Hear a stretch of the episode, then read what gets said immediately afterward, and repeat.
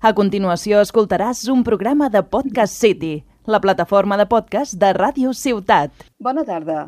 Benvinguts i benvingudes a Mans a les Mans, l'espai dedicat a la solidaritat i a aquelles persones i entitats que la promouen a Ràdio Ciutat de Tarragona.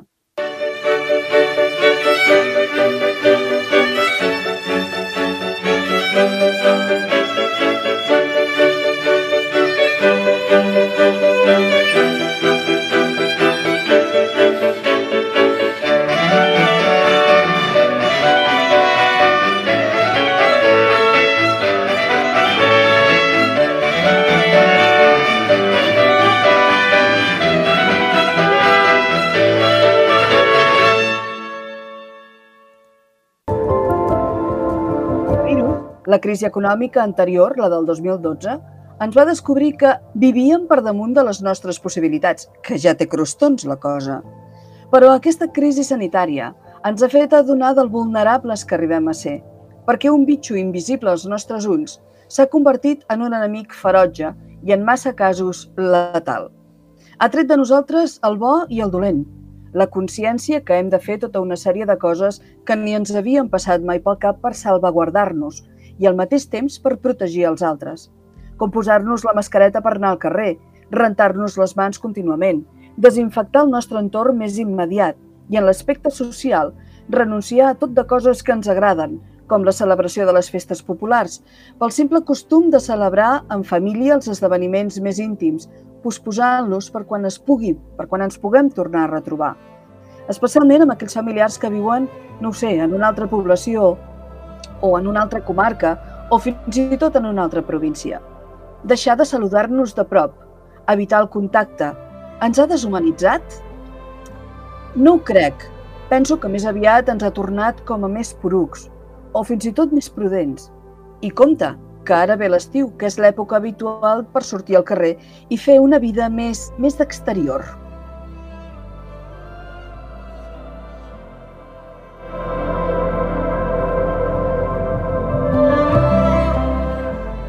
La crisi sanitària porta associada molt dolor, el dels familiars de les persones que han marxat, els que han hagut de patir llargs ingressos hospitalaris, els que s'han hagut de fer càrrec de malalts durant inacabables jornades, el dels que hem hagut de patir i prendre paciència. I segons els experts es veu que ara ve una altra segona part, la de la crisi econòmica, de la qual tots som susceptibles de patir-ne les conseqüències, els que han tingut el virus a casa i els que no mínims històrics de mobilitat, una forta pujada de l'atur i l'enfonsament de sectors com el turístic són només alguns exemples dels efectes provocats per la pandèmia de la Covid-19. Veurem com ens en sortim d'aquesta.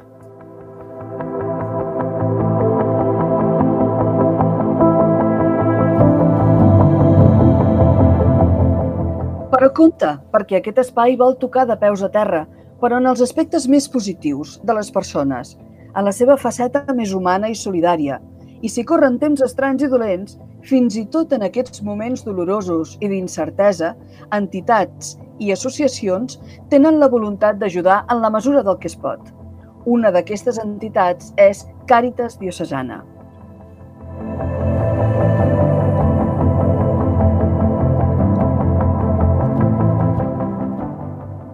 Càritas és l'organització oficial de l'Església Catòlica per l'Acció Caritativa i Social, constituïda per la Conferència Episcopal Espanyola, fortament arrelada a tot el territori i de les organitzacions dedicades a la caritat i a la solidaritat, una de les més conegudes i valorades de fa més de 70 anys.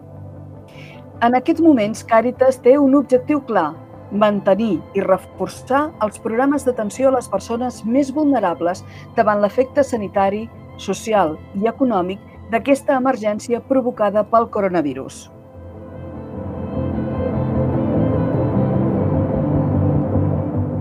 Avui, a Mans a les Mans, parlem amb Pilar Ribas, que és la coordinadora d'Acció Social de Càritas Tarragona. Pilar, molt bona tarda. Hola, molt bona tarda i moltes gràcies per atendre'ns avui a la trucada que li fem eh, cadascú una mica des de casa seva eh, a Ràdio Ciutat de Tarragona. Uh, Pilar, li volia preguntar, parlant de Càritas precisament, com estan vivint aquests nous temps, aquesta nova normalitat de la qual tant es parla? bé, estem vivint la nova normalitat doncs, com un repte i com una oportunitat per ajudar les persones que més pateixen i més ho necessiten i tornant a intentar normalitzar i tornar a aquesta normalitat que, com dius, doncs no sabem el temps que durarà ni com anirà evolucionant i, per tant, també amb incertesa. Uh -huh. uh, Càritas Tarragona és una entitat que està molt arrelada i que tenim com a molt interioritzada en el nostre dia a dia. Què ha estat fent fins ara Càritas i què és diferent del que farà a partir d'ara? Bé, a, Càritas, a, a les Càritas de la diòcesi de Tarragona, que són totes les càritas que hi ha el que és el Camp de Tarragona amb ampli. Uh -huh.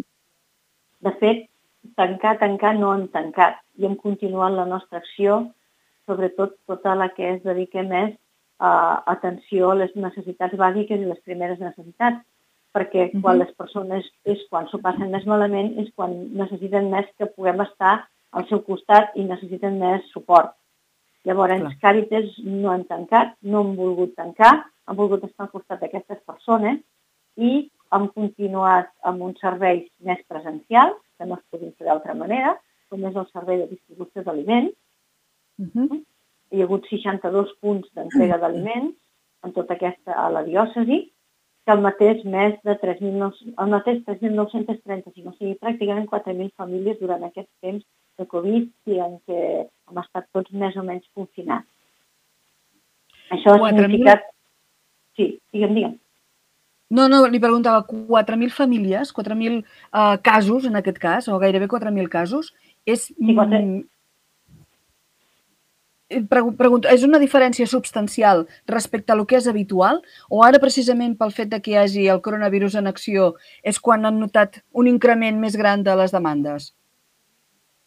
Uh, ara en aquests moments hem notat un increment bastant més alt de les demandes. Uh, hem calculat que és un 49% d'increment de, de, del que teníem abans. I a les, a les zones de costa i a les ciutats grans és on s'ha notat més aquesta situació. Uh, a les zones de costa és normal perquè moltes persones pues, treballaven amb el tema turístic, amb el tema d'hostaleria i, clar, s'ha vist molt afectat tot el sector econòmic i aquestes persones s'han quedat sense poder, sense poder treballar. Llavors, doncs, arriba un moment que els estalvis, que ja no eren gaires, doncs se't veuen escurçats del tot i a, a, acabes ben de necessitar anar a demanar ajuda. Clar. Pilar, quin és el perfil de les persones que recorren a Càritas? El perfil de les persones o les persones que ja teníem abans de la crisi, que no que val a dir que doncs, ja estàvem atenent també a moltíssimes famílies, i, i aquestes famílies doncs, tenen una de les principals problemàtiques que tenen les persones que ens venen a Càritas és el, el problema de l'atur, el problema laboral i el problema de l'habitatge. I després, en tercer lloc, moltes d'aquestes persones se'ls ajunta el fet de que són persones immigrades i aquestes persones doncs no tenen la documentació que han de tenir, els hi costa molt més tot el tema d'integració, inserció al món laboral i al món, al, al nostre entorn, no? Uh mhm. -huh. I uh... en, en, aquest, en aquest moment de crisi, uh, aquestes persones que ja anàvem tenint, doncs en, ens han tornat a venir persones que feia ja uns quants anys que no venien, ens han vingut persones que no han vingut de demanar mai ajuda, perquè realment eh, les prestacions, dels ERTES, de, de tot, doncs a costat de que arribessin, ens ha agafat a tots molt de cop, desprevinguts, i llavors... Doncs, ah, exacte, a contrapèl. I ha, ha, ha, ha ocasionat doncs, que hi ha hagut famílies que s'han trobat d'avui per demà doncs, sense uns ingressos i, òbviament, les persones hem de menjar, hem de poder, hem de poder com a mínim subsistir i mantenir-nos, no? I mm -hmm. després van anant passant els mesos, els lloguers s'han de pagar, hi ha hagut, gràcies a Déu, unes, uns decrets de l'administració, no? del govern central, que de moment han aturat, van aturar el tema dels pagaments dels lloguers, però clar, la crisi s'està acabant i tot torna a la normalitat i si no l'has pogut pagar, el deute el continues mantenint, no? I després és com que et va mantenint. Uh -huh. Uh, Pilar, Càritas, uh, ara en aquest moment, té més, és a dir, a veure, uh, pot mm, atendre totes les persones que, que demanden de, de la seva acció o queda gent a fora o s'ha de fer tria o com, com, com s'organitza això, com, com es fa? Mira, de, de moment hem atès uh, a tothom qui ha vingut, això sí, amb el, amb el que hem tingut.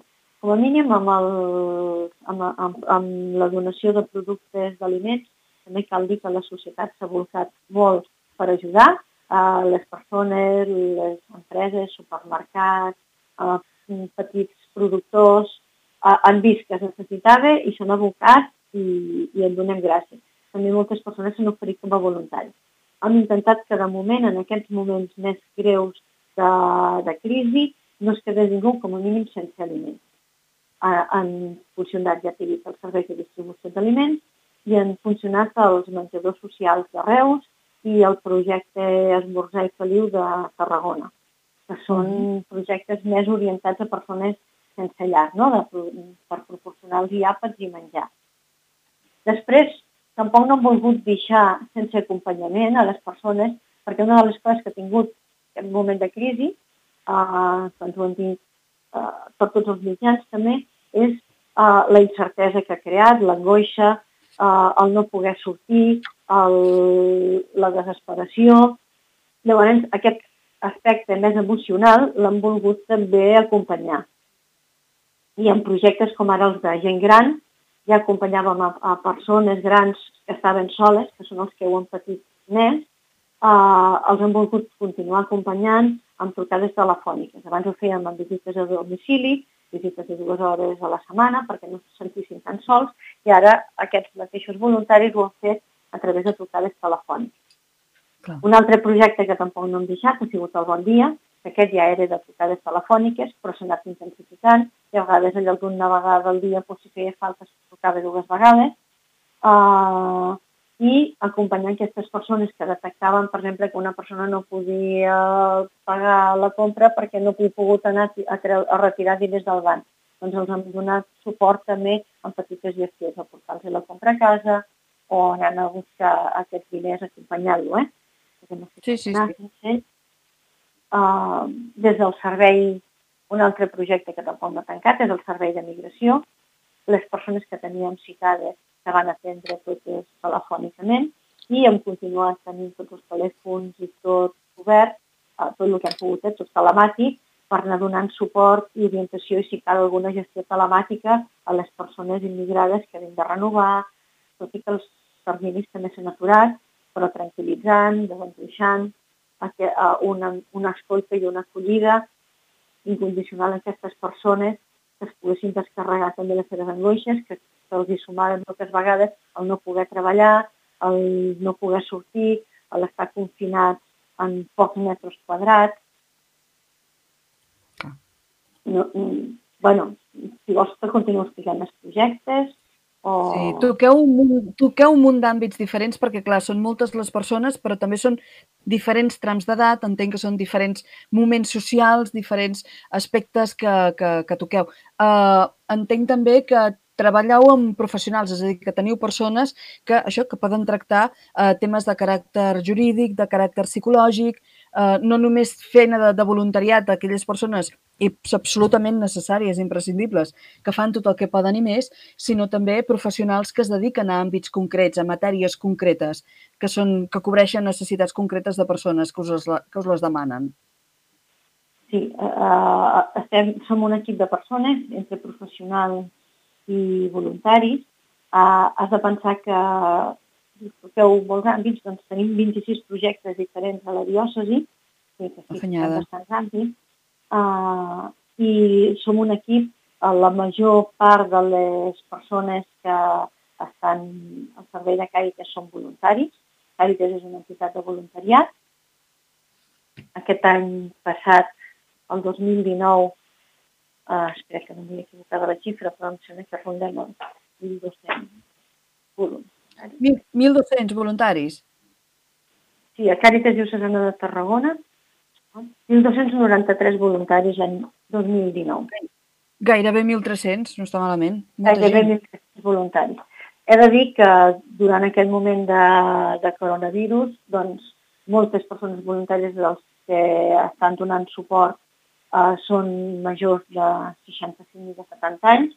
Llavors, mm. tot el que són per trucades això de persones grans eh, les han pogut continuar fent perquè ho poden fer des de les seves cases particulars, des, de, des dels propis serveis de Càritas, però els que estaven més actius en serveis com l'entrega d'aliments, per temes de seguretat, òbviament, el que hem de fer en primer lloc és garantir la seguretat i complir les normes sanitàries que ens demanava el moment, no?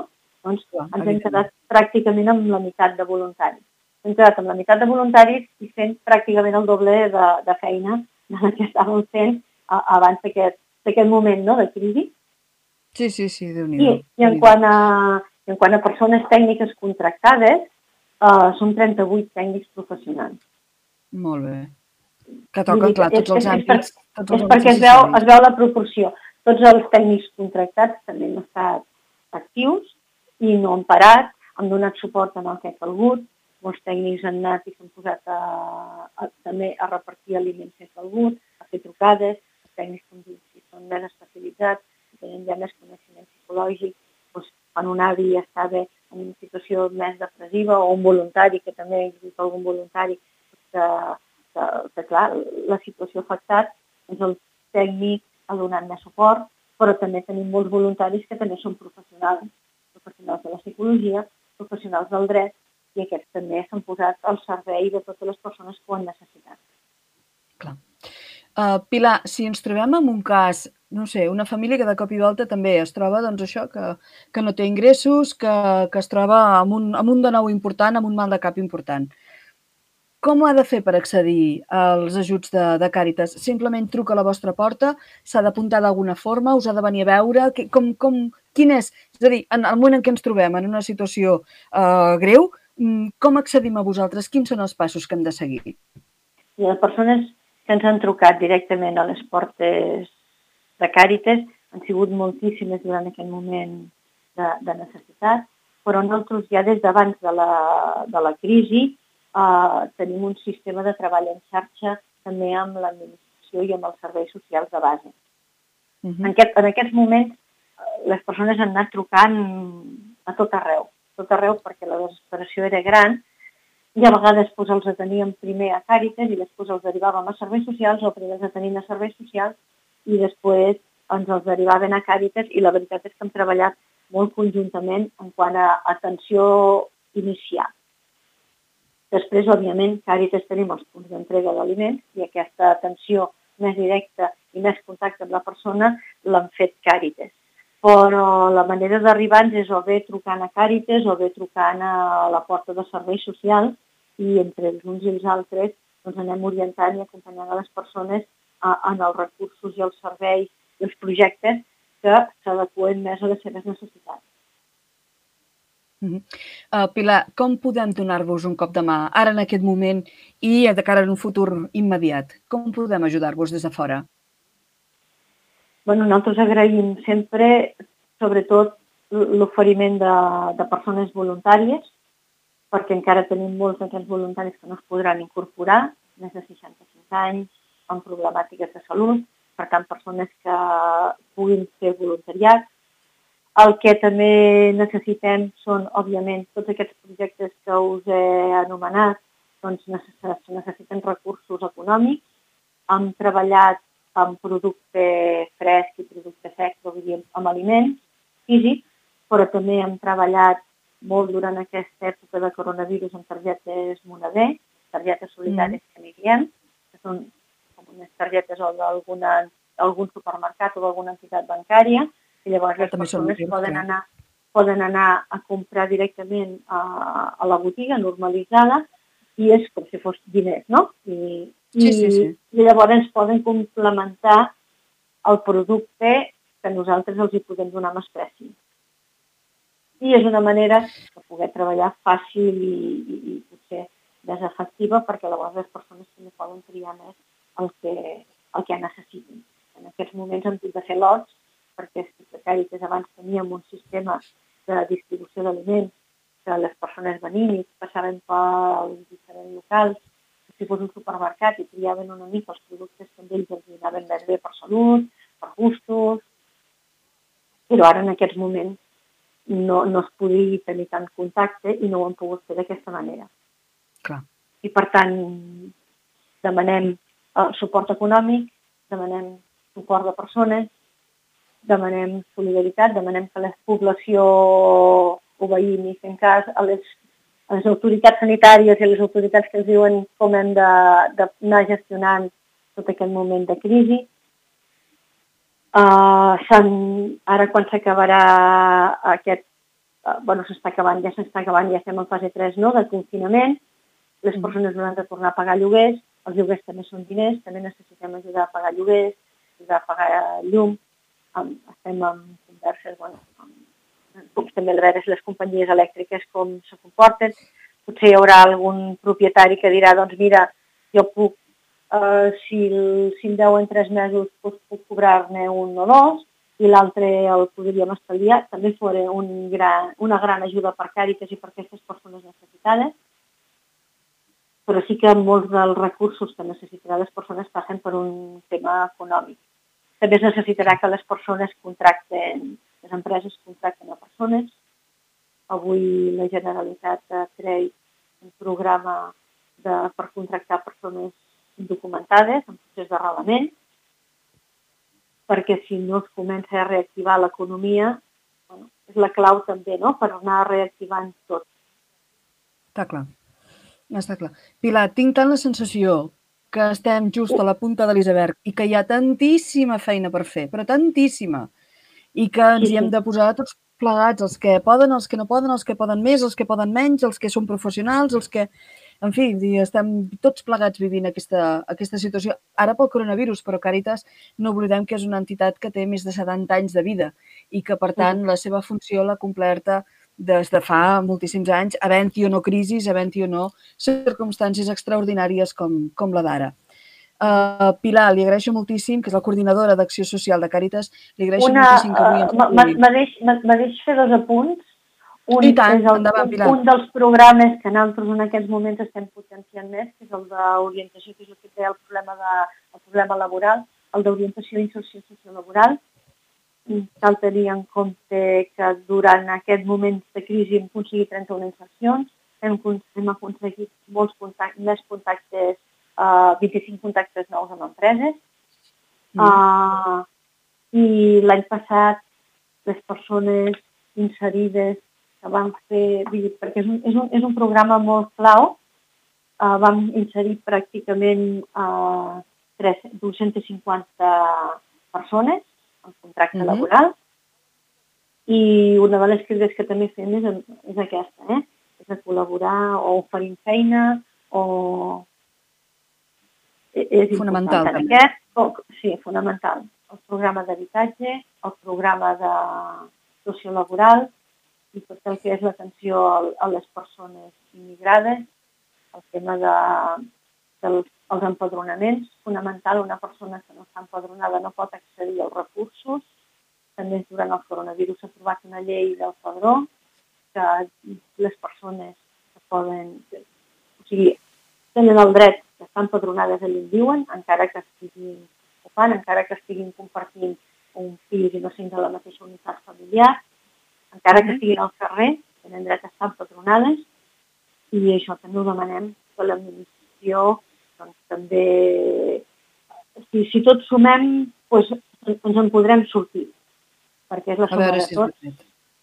Tant de bo que sí, tant de bo que sí, Pilar. Li dic, crec que hi ha molta feina per fer i crec que també estaria bé tornar-ne a parlar més endavant en un altre moment a veure si, si tot plegat ho, ho podem encarrilar o podem encaminar una mica amb més quan, facilitat entre tots. Quan vosaltres ens, us assembli, nosaltres estem disponibles a poder-ne parlar. Moltíssimes gràcies, Pilar. Moltíssimes gràcies. La coordinadora d'Acció Social de Càritas de Tarragona. Una abraçada forta, Pilar. Fins a la propera. Moltes gràcies a vosaltres. Quan es produeix una emergència del caràcter que sigui, ja sigui sanitària, econòmica, humanitària, climàtica, a la gent se'ns posa a prova i d'aquí l'actitud de cadascú que prengui és la marca, és el que marca de fer la diferència. Hi ha qui davant les desgràcies alienes es queda més o menys igual intentant resguardar-se, actitud legítima que respon a l'instint bàsic de supervivència. Qui s'espanta i fuig, qui trepitja qui calgui per sortir airó sense cap mena d'humanitat, actitud pròpia dels sociòpates i dels sense escrúpols, i compta perquè n'hi ha més dels que sembla. I també qui es donen cos i ànima per intentar millorar la situació. Busquem aquestes persones, les que no compten les hores, les que es comprometen, les que avantposen el bé aliè al propi i fan tot el que poden i més. Aquestes persones, que sovint no tenen cap mena de recompensa ni de reconeixement social, són les que canvien el món, d'aquelles que tenen la sort de topar-s'hi. A gent com aquesta va dedicat mans a les mans, el que us portem cada setmana, els solidaris, els sensibles, els imprescindibles, els autènticament humans.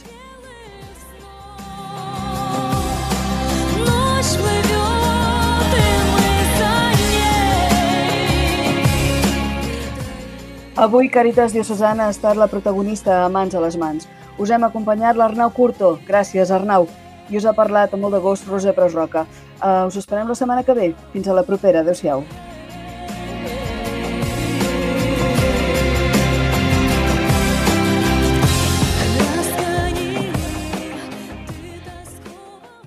Has escoltat un programa de Podcast City, la plataforma de podcast de Ràdio Ciutat.